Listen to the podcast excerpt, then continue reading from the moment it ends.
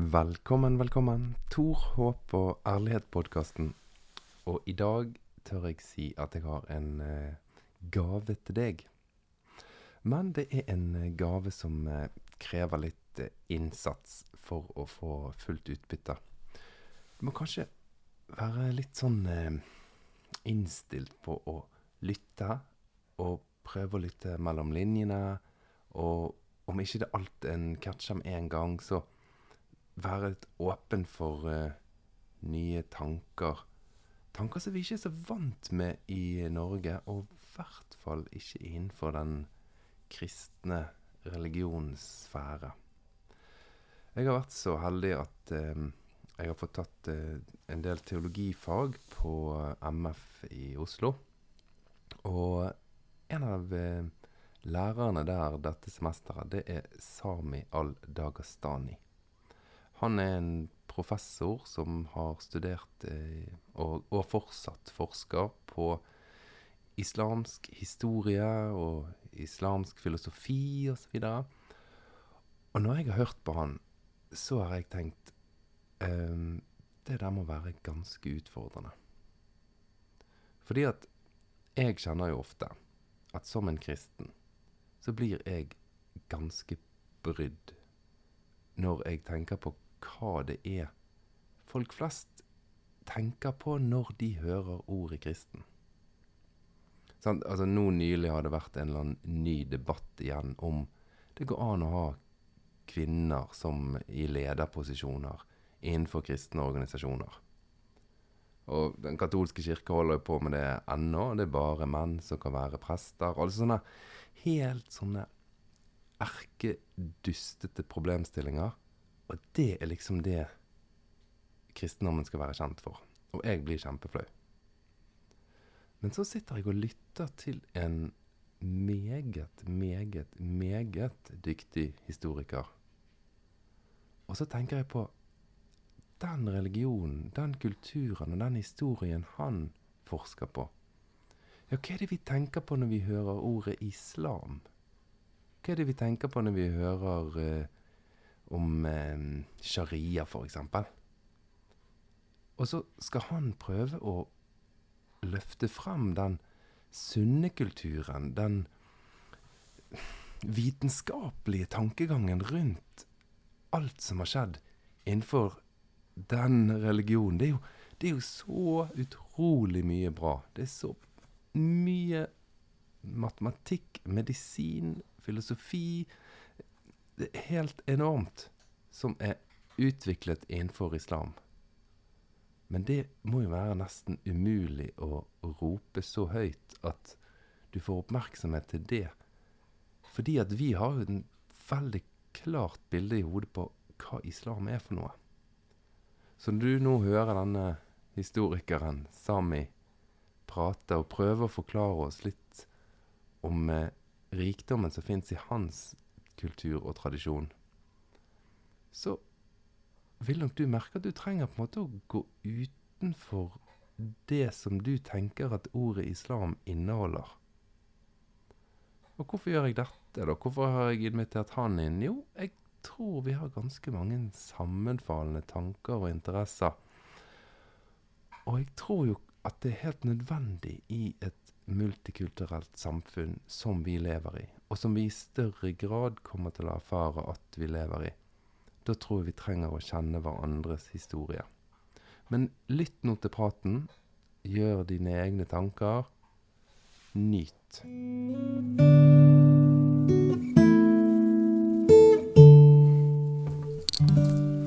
Yeah, it really it really is an honor for me that you would like to attend to this uh, podcast. Thank you, Sami.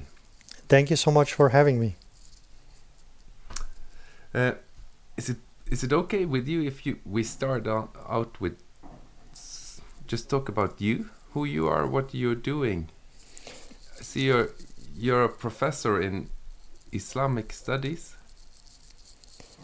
Yes, sure. Um, so I'm a postdoctoral fellow in Islamic Studies at MF, Norwegian School of uh, Theology, Religion and Society here in Oslo, and also an mm-hmm. associate uh, faculty member at the Brooklyn Institute for Social Research in New York City and a research scholar at the Middle East Institute at Columbia University, in New York. Um, and yes, indeed, my my focus of research and writing and teaching is broadly speaking Islamic intellectual history or Islamic studies. Um, and and I guess there are many many reasons how I, I ended up uh, in this Yeah. in this academic sphere, so to speak. Yeah, Because you you work in New York, you're a New Yorker. Uh, Uh, is yeah. Yeah, to an extent. Um, to an extent, I was I was born and raised actually in Slovenia, so I do work um, between New York and Oslo. I treat some, you know, to an extent, Oslo as my home, but also New York. Um, Hmm. But academically, I'm engaged in both institutions, um, teaching here, having some guest lectures in, in New York as well, and then doing research in, in both places. But you live in New York. I live in uh, momentarily. I live in Oslo, and I do go back Yeah, and forth between Oslo and New York uh, a few times a year. Oh. So you you live in Oslo and then New York, uh, but your your your upbringing is in Slovenia. Yes, that's correct. I was I was born and raised in Slovenia. Um, my mom is is Slovenian, who was born in Serbia. Actually, my dad is Iraqi. He come to he Ah. came to to what was then Yugoslavia in the 1970s, as many other um, students from you know from the region, being Syrians or Palestinians or, or Iraqis. Mm. Uh, and at that point, th- there was a lot of proximity and relations between Yugoslavia and Iraq. Um, Mm. So yes, one out of many. He he studied there, and eventually he decided to stay because he did not have a state scholarship. Since those Mm. who had state scholarship had to return back to their countries. Um, Oh, they had to return. they had to return. They had to return and pay their dues, so to speak. But he did not have a state scholarship, so he and his Mm. brother decided to stay. Eventually, they settled in Ljubljana in Slovenia, and this is where, yeah, my dad met uh, my mom and uh, Mm. raised me and, and my brother, my older brother. I- Is it o- is it the right thing to say that you were raised in an in a Muslim family? Uh, not quite, in all honesty, because uh, No. I, I think or I perceived as my upbringing being quite quite liberal. Um, my parents were very liberal. Yes, in in many Mm. regards, they, or at least my father, you know, was or has been culturally Muslim or sometimes even spiritually Muslim, Mm. but not a not a practicing Muslim by by any means. Um, Mm. So I was raised very liberally, uh, whereby different worldviews, different philosophies, different traditions, even religious traditions, were introduced, but never. n- Never imposed, right? So you know, for. Christmas we would we would go to to a church because this is what people usually did, even in Slovenia, right? And it's a matter of a Yeah. of a some sort of a maybe it has a cultural relevance more than a specific Yeah. religious or even um, spiritual relevance. But then But- but- also eventually we would start paying attention to uh, Eid or Eid al-Fitr, the Islamic holiday after the which comes after the month of Ramadan and things like that. So it Yeah, was it was yeah. primarily my own and my brother's engagement with Islam that happened on an academic intellectual level that I think um, sparked some interest in us. But then you were kind of like grown up, like nine. Yes, yes, indeed. I- that that happened Yeah. early, late late teens, early twenties. In all honesty, that my interest about Islam or Islamic studies or Middle East culture uh, came to the forefront, right? Because I think it had to do also with the fact that my mother tongue has was Slovenian, right? My my parents spoke primarily Slovenian to me. Um, Yes, in in your home you spoke in the in the household, right? Slovenian. yeah, also, my yeah, dad. yeah. He did speak Arabic to us, and especially Iraqi Mm. dialect, but not Mhm. to the level of fluency. Uh, I think he was afraid, being himself a foreigner, that maybe his kids, we would not learn proper Slovenian, which I guess many, you know, Yeah. many many f- Yeah. foreigners or, or, or migrants even at, at some point um, have Mm. that fear that their kids are not going to be fluent in the language of the host um, country, right? Yep. So They want their kids, of course. to- Exactly, exactly. Which I Mm. think, in all honesty, I understand that, you know, Mm. sentiment, but I think it's also Mm. wrong in in many aspects. uh, Mm. because we, we do know that kids are really like sponges and then they pick up languages easily and we can see that Mm, with our with our three year old right we have a daughter with my wife and we speak three different languages to her in addition to her being exposed to norwegian as well so Yeah. but but i would say that that the fact that maybe arabic or iraq was always present we went back to Mm. iraq we visited iraq a few times a year or even at least during the Mhm. summers um, Mhm. so it was always there somewhere right Mm. but not fully fully Mm. present and also the Mm. fact that me and my brother were, were much interested in humanities philosophy sociology comparative literature but we could never yeah, really yeah. study you know arabic or islamic or middle east studies in slovenia since those programs did not exist so we had the interest but not an option and this is what Ah. prompted me to seek other programs so i started Mm. um, going to university of utrecht in, in the netherlands for a ba exchange. Yes, for just for a th- this was a semester, and then after that I discovered um, a an Islamic studies program in Sarajevo in Bosnia and Herzegovina.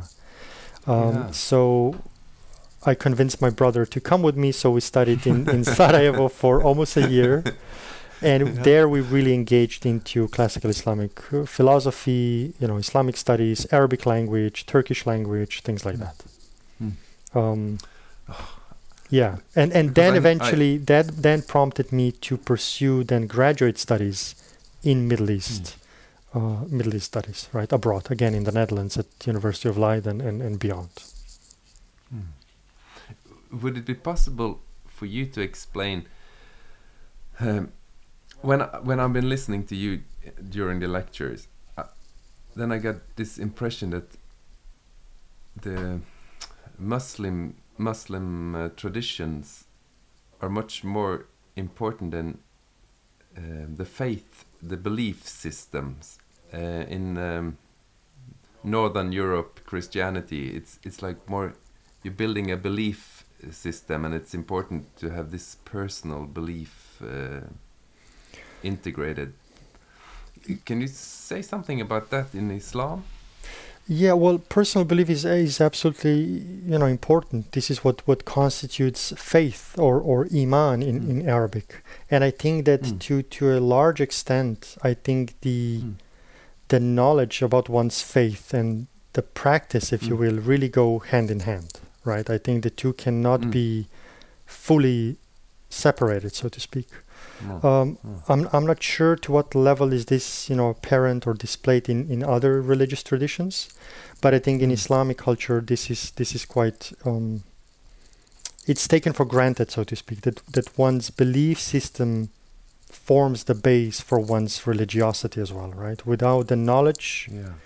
without the, the the some sort of predisposition, there is no practice, right? So so the Mm. knowledge, the, the the ilm, and the practice or the deeds, the amal, in Arabic, they Mm. go hand in hand. They're they're closely intertwined, right? But it was the history and the philosophy that really got your attention. Yes, in my own case, I think it was the the history, the philosophy, the philosophical engagement as well. Um, the Mm. fact that I could not study these programs in Slovenia and I had to leave actually Slovenia to study in Mm. order to study Mm. them, and also the Mm. fact that maybe at the end of the day I wanted to get to know my own tradition more, my father's Yeah. tradition more. Right, my father's kind of um, religious tradition and other types of traditions as well. So this is what Mm. prompted me um, to to really engage more in a, on academic level uh, on Islam, and and hence I had to I had to basically leave Slovenia for for that reason. Yeah. Is it possible in a in a short podcast episode like this to to give an impression of the first the early history of Islam? Yeah, um, absolutely. Um, I mean, usually there there are two theses involved, Mm. or or um, Mm. there are two theses present when we talk about you know the the history of Islam in the greater Middle East. Um, Mm. and and one thesis kind of says that the so-called Arab invasions really mark the through conquest, obviously, and disruption of the Mediterranean trade routes, uh, an end to what we called late antiquity or late antique world, right? And that they kind of Like, like four five hundred yes, yes, correct. BC. Yeah. Mm, mm. um, and the that they really mark the beginning of the Middle Ages. And there's another somewhat more modern view associated with, with, with historians such as Peter Brown and others that Islam is a product of the late antique world, right? Even if you talk about the sixth or the fifth century um, Mm. after Christ, right? It's it's a part of Mhm. the late antique world, not something foreign to it, and and hence it's also associated with its philosophies and cultures and religious traditions and um, yeah, we're talking about basically the period of the seventh century Arabia, right? So so on one hand you have Yeah. the the Byzantine Empire on the west and the Sasanian Empire on the on the east. Uh, Yeah, and the uh, just for for the listeners, the Byzantine Empire. Then you you talking about the Eastern Christian uh, yes, Empire. That Mm. yes, so this was this was west of what we call the Hijaz era, and the Hijaz is usually regarded as the the region where the Mecca and Medina are in present day Mm. uh, Saudi Arabia, and and east of that you have the Sasanian or the the Persian Empire, eventually. yeah. Uh, but w- one would say that you know the Hijaz area encapsulated a lot of the cultures that existed in much of Arabia at that time, or the surrounding areas. So these range from Mm, mm. Mediterranean cultures, including Jewish and Christian, to Southern Mm. Arabic, to Ethiopian, to um, Egyptian, even right. Um, Mm. And you have you have certain values such as courage and patience and um, hospitality as well, but always Mm, mm. in relation to one's clan or, or, or one's tribe, right? Um, On the neg- negative side of things, obviously there was no universal concept of, of, of other human beings. Uh, instead, again, the notion of courage, the, the notion of selflessness, they were valued in relation to one's tribe or, or clan. Um, Yeah. But Mecca was believed to be a religious and trading center even prior to Islam. Hmm. Uh, it became home to the Arab name, to the Arab tribe name uh, named Quraysh, but it was Hmm. also a site of a pagan pagan sanct- sanctuary. So I think Hmm. pagans probably constituted the majority of um, of Arabia's population, uh, despite the fact of you know being home to two monotheistic communities, Jewish and Christian. Mm. And there were also Zoroastrian communities in eastern, Yeah. uh, supposedly in eastern Arabia and and uh, and Iran. Yeah, in Arabia, around 600, it must have been a lot of Christian and Jews. Yes, yes, in- there were there were Jewish and Christian tribes, um, and obviously the prevalent religion was polytheism, right? Was was belief in multiple yeah. multiple deities, uh, Mm. and it seems that religion was used to for striking bargains, so to speak. So uh, with a deity, so you have you have to make certain offerings in return to receiving certain favors and, and so on and so forth. Mm. But Islam sprung from a complex religious environment, right? I think it Mm, would be mm. incorrect to assume that there was nothing, so to speak, Yeah. and then Islam came in the seventh century, right? That that would be an incorrect Mm. thesis, obviously. Yeah. Yeah. So probably a lot of different religions, uh, mostly polytheistic, and then some Christian, some Jewish, some Correct. Yes, correct, Yeah. correct. Hmm. But you, you mentioned Mecca, Medina. What, where does, what kind of size were those cities in the seventh century? Well, Mecca was was an important um, trading center and also a, a, you know a site of, of, of religious practice. Um, Hmm. there is that idea that the very the very Kaaba, right, the the black cube that we associate um, the mosque in Mecca and, and uh, basically the Mm. birth of Islam, of Mm. uh, with, with the with the with, with the very notion of Kaaba, uh, has been then supposedly for for centuries, if not a millennia, as a as a symbol for um, for monotheism. So it, it wasn't built by Muhammad or it wasn't built by the Muslim community. The traditional Oh. Muslim account believes that Muhammad came to restore that primordial monotheistic message that already Abraham, or in Arabic Ibrahim, um, you know, Yeah. set to to to restore. So, um, Muhammad is a historical figure. Uh, I, I think Mm. is is important not only for the development of Mecca and the first Muslim community, but but even for Islamic tradition as a whole. Um, Yeah. You know, being part of the of the Banu Hashim clan. Mm. Um, Yeah, but because that was quite interesting for me to see that the Quran is there is so many um, what's it called in English uh, uh, names Mhm. that I knew from the, my Bible history. Like mhm. Abraham was is it seems to me like an important figure. Absolutely, absolutely. Uh, y- w- w- in the Quran, obviously, you have the Arabic names that appear, right? But we're still Mm. talking about the same figures, be it either historical or more, more, more uh, figures that are described as prophets or or um, messengers, right? But yes, you have you have Abraham, which in Arabic appears as is Ibrahim. You have Jesus, which in Arabic is Isa. You have Moses, in Arabic as Musa, and so on and so forth. Mm. So Quran mentions those names or mentions those prophets as well. Uh, and Yeah, yeah, uh, and I, and Abraham is kind of uh, presented as a man fighting for this monotheistic uh, that's that's correct. tradition yes. that you mentioned. Yes, yes. Yeah. So so Abraham is not necessarily, to to my knowledge, designated in the Quran as you know either being Jewish or Christian No, per se, no, but someone no, who someone who believes, right, and someone who Yeah. submits. And in Arabic, this obviously pertains to the very notion of, or the very term of of aslama, and this is where again, Mm. you know, the very word Islam comes from, meaning submission. And if you you know Mm. one might ask submission to what? Well, obviously to to God, to Allah, right, to the one and only yeah. Creator, according to the Mm. traditional Muslim account. So in this sense, Abraham submits himself to God, right? To Uh, God. and and anyone who submits himself to God, uh, according to this perspective, um, Mm. can be perhaps designated as as one who belongs to that belief called or or you know religious tradition called Islam. At the end of the day, Mm. um, yes. Wow, I wonder.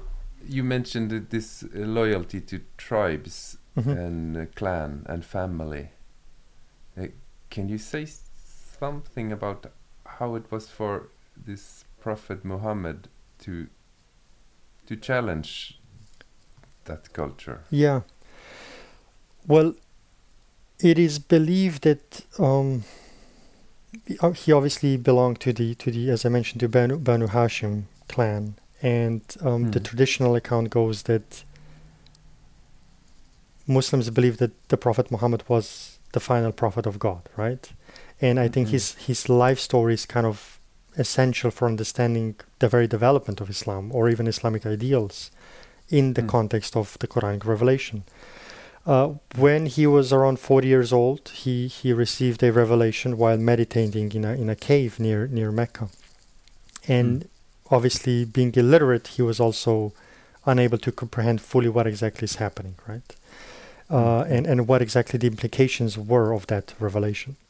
Uh, but Mm. again, whether one believes in, in those stories, whether one is a Muslim or not, or doesn't believe, Mm. there is Mm. still the account of Muhammad as a historical figure, and there is still, you know, the Mm. account of the first Muslim community in the early seventh Mm. century. Oh, yes, indeed, seventh century, right? Mm.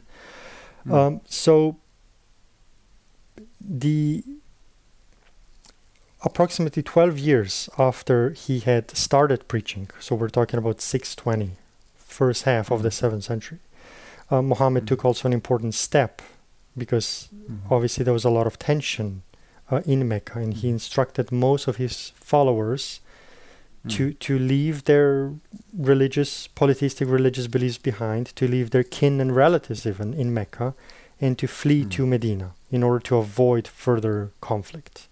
Uh, why? Mm. Because obviously the clans of Arabia, the clans of Mecca rejected his message, right? Mm. And Mm. that that migration, which is called hijrah in Arabic, um, had you know tremendous significance for the Muslim Mm. community. So much so Mm. that the Muslims later decided to even begin their calendar from the time of this event. Right? That's why that group is called Muhajirun after Hijrah. And also the Mhm. Islamic calendar is called the Hijri calendar, which marks the the very move of the first Muslim community from Mecca to Medina, right? And then in 622. come again. 622. Um, after yes, No. yes, ex- around Yeah, yeah, yeah. exactly. So it was in Medina then that the Prophet Muhammad establishes uh, the first Muslim community in a more on a more political or even social level, right? Uh, so so the hijrah, the very move from Mecca to Medina, really marks Mm. a a some sort of a rupture of kinship ties, the tribal structure, right? Ties based Mm, on mm, kinship mm. or, or loyalty, even uh, Mm, to one to one's clan. That was about you know it should be abandoned in principle, and what becomes important is that the very message of Islam, right? Which is a belief Yeah. in in one God. Uh, so It- in Medina, So- he he drafts the document which is in Western scholarship known as the Constitution of Medina, and it stipulates um, Muhammad's role as the, the Mm. final recourse or the final arbitrator in conflicts between various fractions, be it within the within the Jewish or the Christian tribes, or, or even within uh, within the city population, right? Yeah. Yeah, yeah, because Islam is, is it is a tradition of uh, l- interpreting laws and it, yeah. Um, interpreting the law, you said. Yeah, isn't it? Mhm. It's, it's like the Jewish community is Mhm, also mhm. very uh, connected to uh, the jurid, Yes, absolutely, absolutely. the but- lawyers and law. Yeah, um, and we can obviously, you know, tackle the, the, the very the very notion of of, of law and, and Sharia. Obviously, Mm. uh, m- perhaps it perhaps it deserves a separate question, so to speak, just Yeah. because it's a yeah, yeah. it's a Sorry. such a no no no no problem, but it's a, such a complex term that that Mm. uh, requires more than, than a few minutes, and we can we can probably tackle that, Mm. you know, more in detail. But I think you're Mm. right, and, and there's also a lot of misconception on about what exactly, you know, quote unquote law is in in Mm. early Islam or even today, and is it really Mm. associated with Sharia and is Sharia Islamic law and so so on and so forth. Mm, But mm. but part of that, part of that, um, Mm. if you will, more political or even legal engagement really happens in Medina, right? In Mecca, yeah. when you when you have the revelation, so to speak, being being handed down to the Prophet Muhammad, it's it's Mm. it's a, it was a matter of spiritual and more exegetical and more metaphysical questions that were addressed for the first Muslim community, and not Mm. particular rituals or you know social engagements or even legal engagements so these things happen gradually obviously because we have to Mm. keep in mind that the quran was revealed through a period of 23 years right Mm. not not in Mm. one go Mm. and and those things really develop in um, in medina um, so Yeah. the muslim community grows then gradually and the the the rituals and the obligations become established through a period of time as well But Do you think Muhammad had a notion of establishing a religion? A new religion? Um, I mean, yeah, I would say yes and no, right? Um, yes, Mm. because due to its, and again, this is this is a question that we can also tackle as well. Um, i- i- due to the, the the very notion of tawheed or the oneness of God, right? Mm, Um, mm, As as pure monotheism, in the sense that there Mm. is there is no God but one God, right? mm, Uh, but on mm, the other hand, obviously, any any idea, be it more political, be it more ideological, even religious, builds upon Mm. certain um, established tradition, right? So, as I said, if we think, if we take seriously the thesis that Islam was part of the late antique world, then why could I just say that? Well, it was also associated to an extent with other philosophical and theological traditions. So of course he's building a, a new a new movement, if you will, a movement Mm. of believers, a movement of quote unquote Muslims, right? Those who submit Mm. again, um, Mm. but not completely out of thin air, right? It's always in Mm. in relation, in conversation, in dialogue, uh, and also in opposition to already established traditions and Mm. philosophies and cultures. Do you know how the uh, Jewish and Christian community uh, viewed Muhammad in the beginning? So, to to my understanding and to my knowledge, I mean, there was uh, on one hand there was some part of animosity, and there was also some part of agreement um, with the, the the Prophet Muhammad and with the early Muslim community, and Mm. this was perhaps most prominent in Medina after the Hijrah, um, because eventually, uh, eventually there was a truce, and I think that that very notion of the Constitution of Medina helped facilitate that truce, right? That the Jews, Mhm. the Jewish tribes, um, became became part of that city population, right? Even though the. Quran mentions that certain tribes uh, abused maybe their power or their role and uh, really let the Muslim community and the Prophet Muhammad down, right? So again, when whenever we invoke certain Quranic verses, obviously we have to contextualize, we have to historicize, Mhm. and we have to know what Mm. exactly are we talking about and which verse relates to what you know which situation specifically right Mm. speaking Mm. um, Mm. so in some point in time certain tribes were perceived as treacherous um, yeah. for for very specific historical reasons right because they, Mm. they let the muslim community down and they turned them back uh, to them so to speak Mm. but um, there were also instances where the communities you know grew together Mm. right and they were they were in contact with each other and so on and so forth um, I, I think for the for the Muslim community itself though from the early Muslim community I think Muhammad's role was seen as, as both a spiritual leader of the new faith if if you will um, Mm. but also more increasingly you know a, a, a political leader of the first Mm. ummah or of the first Muslim community that had really supplanted the tribe as the key political and, and social focus, if you will, uh, of allegiance for Muslims, right? Um, And gradually, then, the Prophet Muhammad introduces a number of religious practices, uh, including, Mm. for instance, you know, the regular Friday prayer and so on and so forth. So this thing, Mhm. these things obviously come in. Uh, they're introduced in steps, in small steps. Mm. Mm. Hmm. You mentioned the word Sharia a, f- a few minutes ago, Yeah. um, and when you talk about it, it's it's kind of um,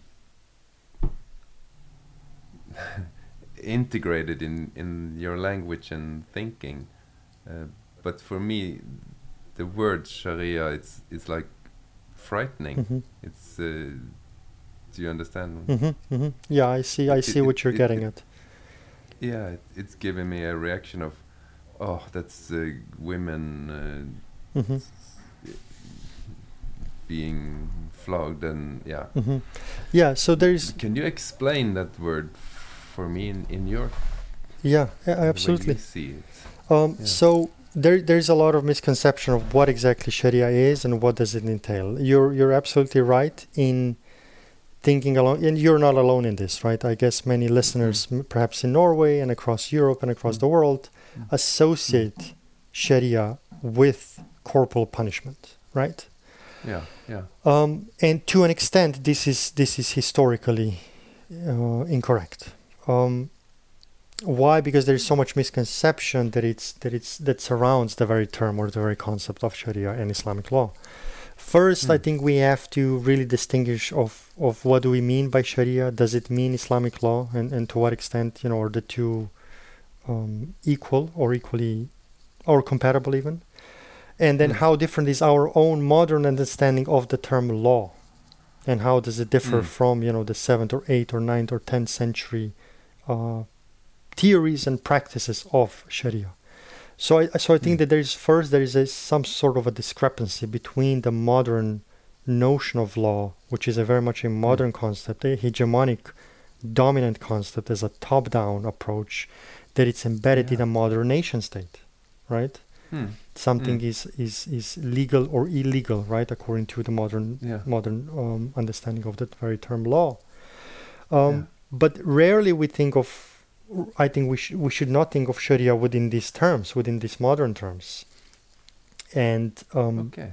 rarely we think of Sharia as a moral entity or of an e- or even as, as an ethical system, which, according to many sources, uh, traditional Muslims and and you know later on non-Muslim sources, it Hmm. this is what it was. It was be- believed to be an ethical system.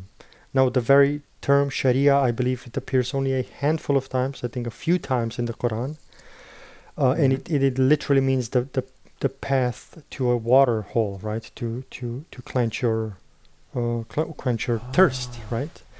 As a- as-. I- Well, as a, Mm. as a divine law, right? As a divine immutable Yeah. law. Now, there are some scholars that make distinction between between Sharia as divine law and then a a legal system Hmm. devised and designed by Muslim scholars and Muslim uh, legal specialists, the fuqaha, which is called fiqh in, in Arabic, right? So this this is by the Can you common say that again? yeah, so i- the, the very term is fiqh, is F I Q H. If you if you want to Yeah. you know write it down, fiqh, Hmm.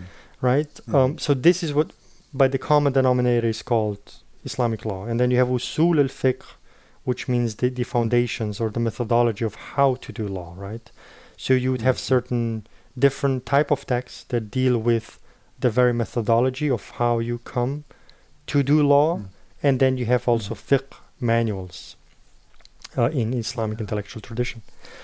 But uh, so so you know it depends also how you understand Sharia as as being the same with fiqh or as having a some sort of a epistemological difference, uh, since since Sharia might be or if it is perceived as a divine law, then what we're dealing with is a human system that tries to come as close as possible, that interprets, you know, as, as, as close as possible, as good as, as, as it gets, what what divine law is, right? So I would say that there is a difference Mm. between Islamic law or fiqh and Sharia as, as divine law.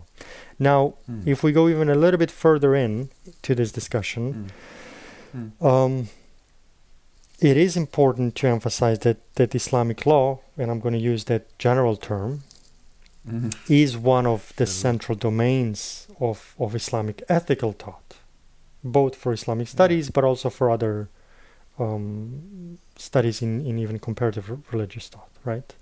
Hmm. Um, however, thinking about the corporal punishment, which is in Arabic called hudud, and it designates border, border, Mm. right? Uh, had is singular, plural is hudud. Um, one could say that it would be incorrect to equate Sharia with the corporal punishment, not only because Mm. there is a tiny fraction, a tiny, tiny portion of the Quranic verses which deal with corporal punishment or even even legal that they have a, a legal content. There are several Mm. hundreds of verses out of 6,000 plus verses in the Quran that deal or have or contain legal content. Hmm. Um, but also because it would be historically incorrect to make a statement that Sharia equates um, corporal punishment, right? There are sources that, that indicate that throughout the history of Islam, corporal punishment, which relate to um, you know stealing, fornication, accusing someone of, of, of fornication, um, and, and also armed robbery or, or banditry, Mm. uh, that these five types of, of corporal punishment were rarely applied in, in, in the classical period. Rarely applied, right? Even though they're very stringent, even though they're very strict, they're very rigorous, but Yeah. there, there are sources that claim that they're much more frequently applied in 20th and 21st century in comparison to the you know 7th 8th 9th 10th 11th 12th and beyond centuries right?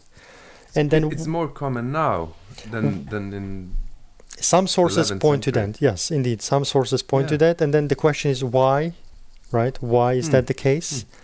Um what what is the aim of of sharia of uh, corporal punishment being applied in you know in the modern period more than in the classical period? And on what basis?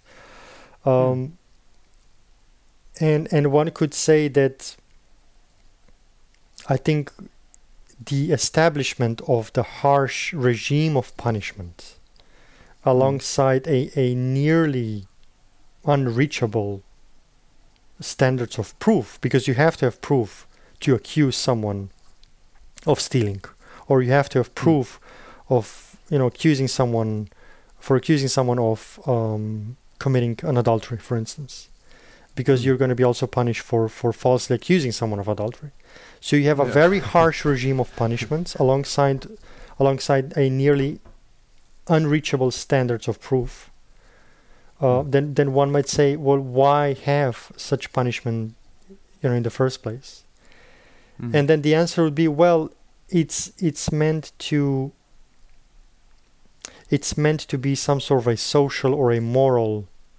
um, tool right so it's not Mm. that law is Mm. not meant necessarily to be applied but also to to be a moral or or social warning to the community to the people to the believers to whoever is yeah. is involved right um, yeah. in addition, you have a lot of ambiguities or shubuhat in Arabic, a lot of ambiguities that Muslim Mm. juries elaborated on to avoid applying the corporal punishment, right? Mm. Throughout the history of Islam. So, law, one could say, then is not meant to be applied per se, but only to maintain a social or moral order in society. And we can think even in, in, in modern terms. Not every law is applied even today in modern nation state, even in Norway, for, perhaps, Well, right? That, that's we we Mm. do we do jaywalking, we do minor offenses, we do maybe you Mm. know um, a little bit a little bit more I don't know frequent offenses. Law is never, Mhm. but again, this is we're thinking again within the modern nation state, so so it's slightly Mm, different. mm. Uh, but Mm. Law is not necessarily to be applied, especially especially coming with you know such such a harsh regime of punishment, right? Uh, Why do you think it, they're they're they are applied so much more frequent now then? hmm That's a that's a that's a valid question. I think there are several reasons, and and one Mm. reason uh, might have to do with. Well, there are two reasons. One reason might have to do with colonialism and colonial excursions into the Middle East, into North Africa, and either into other parts of the world. Why? Because we as we perceive colonialism as first and foremost a military expedition into a country, right? Mm. But Mhm. along with that, it also meant a legal, a political, a social uprooting and restructuring of societies. It changed the Even very religious. Indeed, right? It, it, changed the Mm. sociology of knowledge. It changed traditional patter- patterns of living. It Mm. uprooted the very notion of Sharia as an ethical system. And it Mm. squared Sharia to mean in the modern Middle East and North Africa, in certain parts and in Mm. certain countries, uh, either corporal punishment or family law, right? So Hmm. a lot of European penal codes, a lot of European laws from from even from the from French and uh, from other Hmm. places were integrated into the modern Middle East, from Algeria to Hmm. Morocco to Egypt to Hmm. to um, to to Turkey and beyond. Mm, So mm. this is one thing. We're talking about a complete restructuring of societies uh, Mm. by force, right? By force, by military Mm, force, and mm. by, by also other means um, Hmm. that really tackled a lot of social, a lot of cultural, legal, and, and, and other institutions, even educational institutions in the 19th century, Mm. 18th and the 19th century.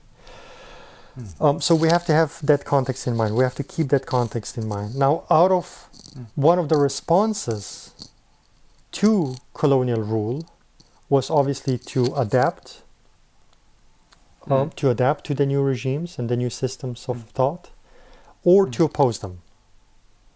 Yeah. Hence, also, if you think of political Islam and hmm. Islamism, they are very much modern constructs. They're modern phenomena that have to do, you know, with the with the 20th century.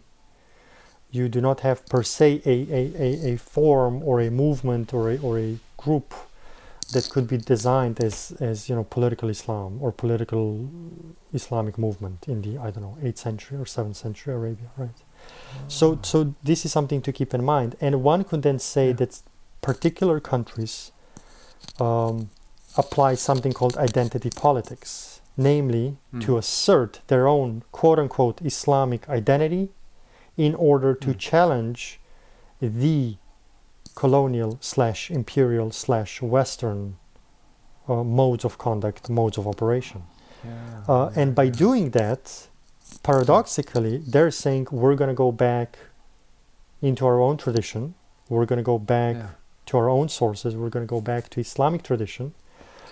Uh, and by doing that, they, to an extent, misread, misinterpret, uh, purposefully or, or you know, intentionally or unintentionally, Yep. certain sources or certain understandings of what exactly Islam is, what Sharia is, and what Islamic law is.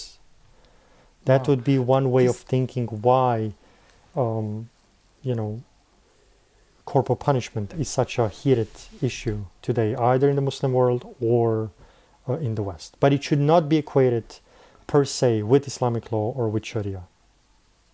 It it really re- reminds me how conservative groups in Christianity also do that. It, they feel like their um, religion is taken away, and then they want to go back and do the Mhm. like the first the the, the the glory days. Be Mhm. going back to the glory days and trying to establish it once more, but then then it's not connected to history and to traditions. So Indeed, indeed, it's a to an extent it's a revisionist perception of history, right, and and or of Yeah. Islamic thought as well. Um, you know, and if you couple that with a lot of Islamophobic voices that are emerging or Mm. have been emerging, and again, this Mm. is this is not a contemporary issue, right? I mean, Islamophobia Mm. in different forms and shapes, I think, has been present since the birth of, of the first Muslim Mm. community, since the seventh century.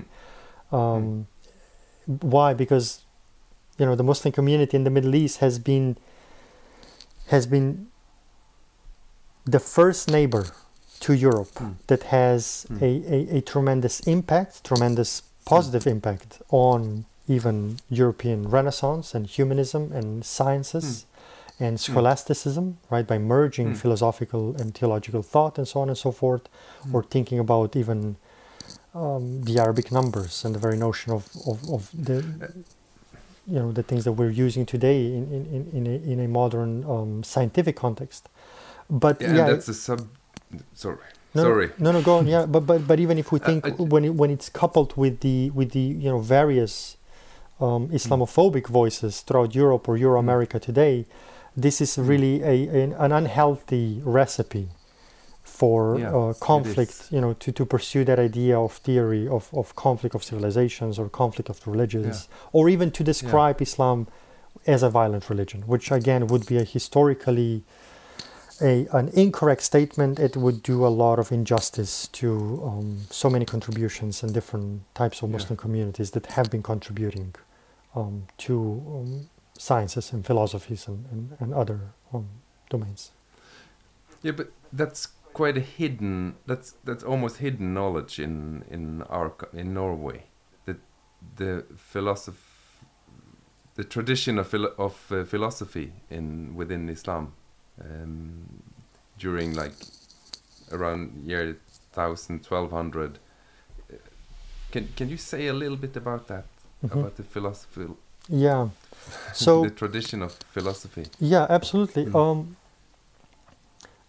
to, to an extent, Islamic philosophy, you know, also has to be contextualized within Islamic theology. A lot of the questions that philosophers posed were relevant for Islamic or Muslim theologians and, and vice versa, right? So some scholars, Muslim and, and Western scholars, argued convincingly that, that Islamic theology emerges also in response to the polemic uh, against Islam launched Mm. by the representatives of other monotheistic religions, right, such as Judaism and Mm. Christianity, and perhaps also by the followers of Zoroastrianism. But um, Mm. What is what is I think important to to to stress or to emphasize is that, as mentioned before, knowledge and praxis are are interrelated for and were interrelated for many classical Muslim scholars, right, and that includes various um, um, philosophers. Now, thinking specifically along the notion of Islamic philosophy or or, or um, Muslim philosophers, right, philosoph Mm. or falasifa, Mm. Greek ideas obviously had entered Islam through the translations of Greek and Syriac uh, works into Arabic, right, under the Umayyads, the Umayyads being the, the second Umayyad Caliphate um, in, Mm. in with its capital in Damascus. Mm. This translation activity grew particularly intense and, and, and, and prolific in the early uh, decades also of the Abbasid period with its capital in Baghdad, right? and now Um, we're like 800, 900. E- exactly. That's the the yeah, eight. If you think of the Caliph al Ma'mun, who I think he reigned from eight eight thirteen to eight thirty three, he established the the the so-called the translation outfit or translation platform in Baghdad that came to be known as the House of Wisdom, right, Beit al Hikmah, Yeah. uh, and it's staffed primarily Arabic-speaking Christians to translate a lot of the works from, from Greek into Arabic and Aramaic treatises on medicine, logic, philosophy, astronomy, and so on and so forth. Um, Hmm. So, in the Abbasid period, in the Baghdad, classical Baghdad period, right, the discovery then of Greek philosophy and sciences and medicine became available to Muslims in Arabic. And later on, we have to think, and you know, not to forget that a lot of the Greek tradition came to Europe through Arabic translation Hmm. in terms of thinking of the works of, of Aristotle and Plato and so on and so forth. So Europe rediscovered the Greeks through Arabic translations that were being eventually translated into Latin and, and other uh, other languages.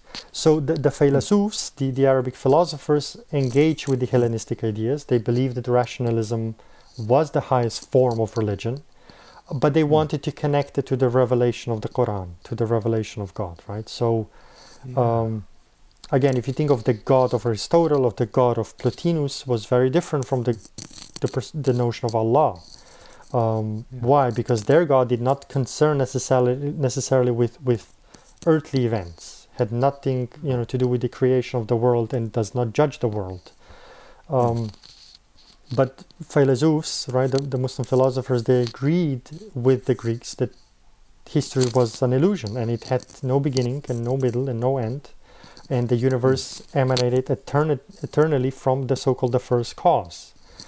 Um, so we can think of for instance Ya- Yaqub ibn Ishaq al-Kindi or simply al-Kindi who was considered as the first philosopher of the Muslim world uh, we're talking about Mm. the second half of the ninth century um, he he worked closely with the more rationalistic theological strand called the Mu'tazila. Um, but he did not confine himself again only to the Muslim sources, right? You have the Quran as the revelation, and we have to keep in mind that the Muslim philosophers were pious Muslims who nevertheless actively engage with the Hellenistic ideas. And, and so rationalism and revelation go hand in hand, right? For, for, for, for the history of Islam, this is nothing new. This has been on, Hmm. this has been part of, of, of the Islamic tradition since the 8th century or since the 9th century, right? Um, then there is Al Farabi, or the, the, the second major philosopher, so to speak, who also wrote on, on religion, on politics. Um, Mm. He also believed in Sufi mysticism. He provided Mm. commentaries on Aristotle's work, right? His Mm. work Al Madina al Fadila, uh, he, he, in, in which he theorized an ideal state similar to Plato's The Republic, and so on and so forth. Uh, then you have a little bit more Sufi inspired philosophers such as Al Ghazali, Abu Hamid Al Ghazali, who really Mm. merged theology, philosophy, and, and Sufi as, as its own science, right? And um, he also Can you explain short the, the expression Sufi? Yes, so by, by the term Sufi, we usually refer to Islamic mysticism. Now, not every Sufi movement in Islam or in Islamic history uh, was a mystical movement. Many of them were, but broadly Mm. speaking, um, Sufism is, is often regarded as Islamic mysticism in Arabic tasawwuf, right? And again, we, we, we connect Sufism with the dervishes, the, the whirling or spiraling dervishes, which is a later development and connected to um, more, more to the Turkish tradition than, than to early Islamic uh, tradition per se. But um, so you know, Ghazali is, for instance, very very interesting because of his combination, paying attention to various theological, philosophical, and Sufi or, or mystical uh, trends, and and he Mm.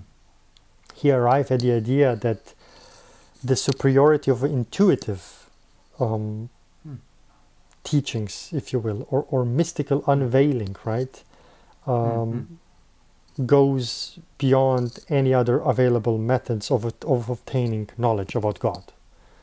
So he said, you know, hmm. even our sensory perception might fool us at the end of the day. First he hmm. engaged into theology, then he engaged into philosophy, and then eventually he ended up as a as a you know as a Sufi. Um, Huh.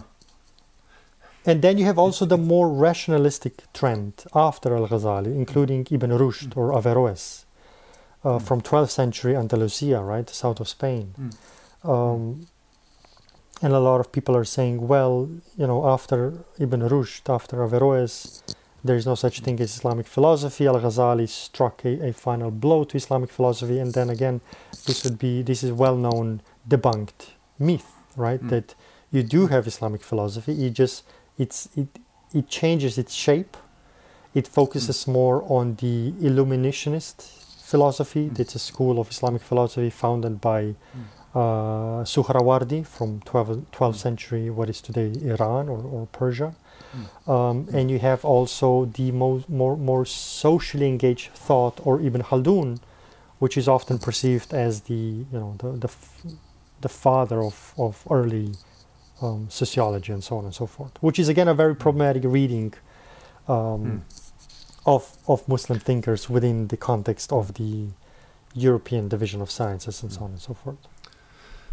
I see, I see the time is running much more quick than than I thought, and you have to leave me soon. But uh, can you s- share some thoughts about how you how you think most Muslims in Europe um, think about the things you are telling me now?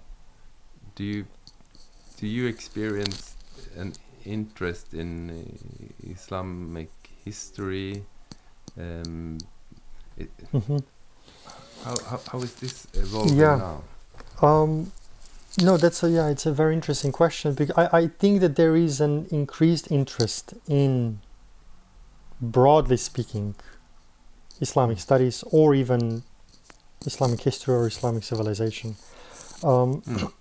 by by Muslims and non-Muslims alike, and Yeah. and that's why I think that that Islamic studies as a as a field as an academic field is extremely important because it touches upon ethical questions, philosophical questions, theological questions, Mm. scientific questions, and Mm. also historical questions about the modern Middle East, even right. Mm, mm, So, mm, and it has to be re- revamped and revisioned and reimagined. mm. But I find it to combine a lot of those very topical um, questions that we have to address in, in 21st century Euro America, even. Mm. Mm. Now, what what exactly, you know, how does this relate to a, a Muslim community? Obviously, I cannot speak of, you know, a singular Muslim community No, in Europe of or even in Norway. Mm.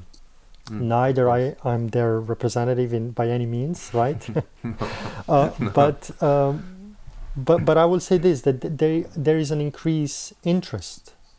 Part of that lies in misconceptions and misperceptions of what Islam is, who Muslims are, and and you know what Sharia is, and what is a historical Islam, right?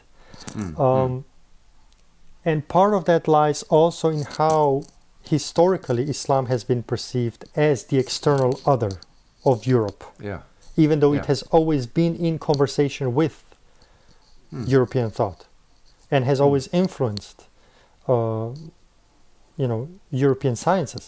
I mean, sciences that Mm. emerged in, in early modern Europe, or even or even before that, right? So this Mm. is something to keep in mind. But um, how how do you measure that that increased interest?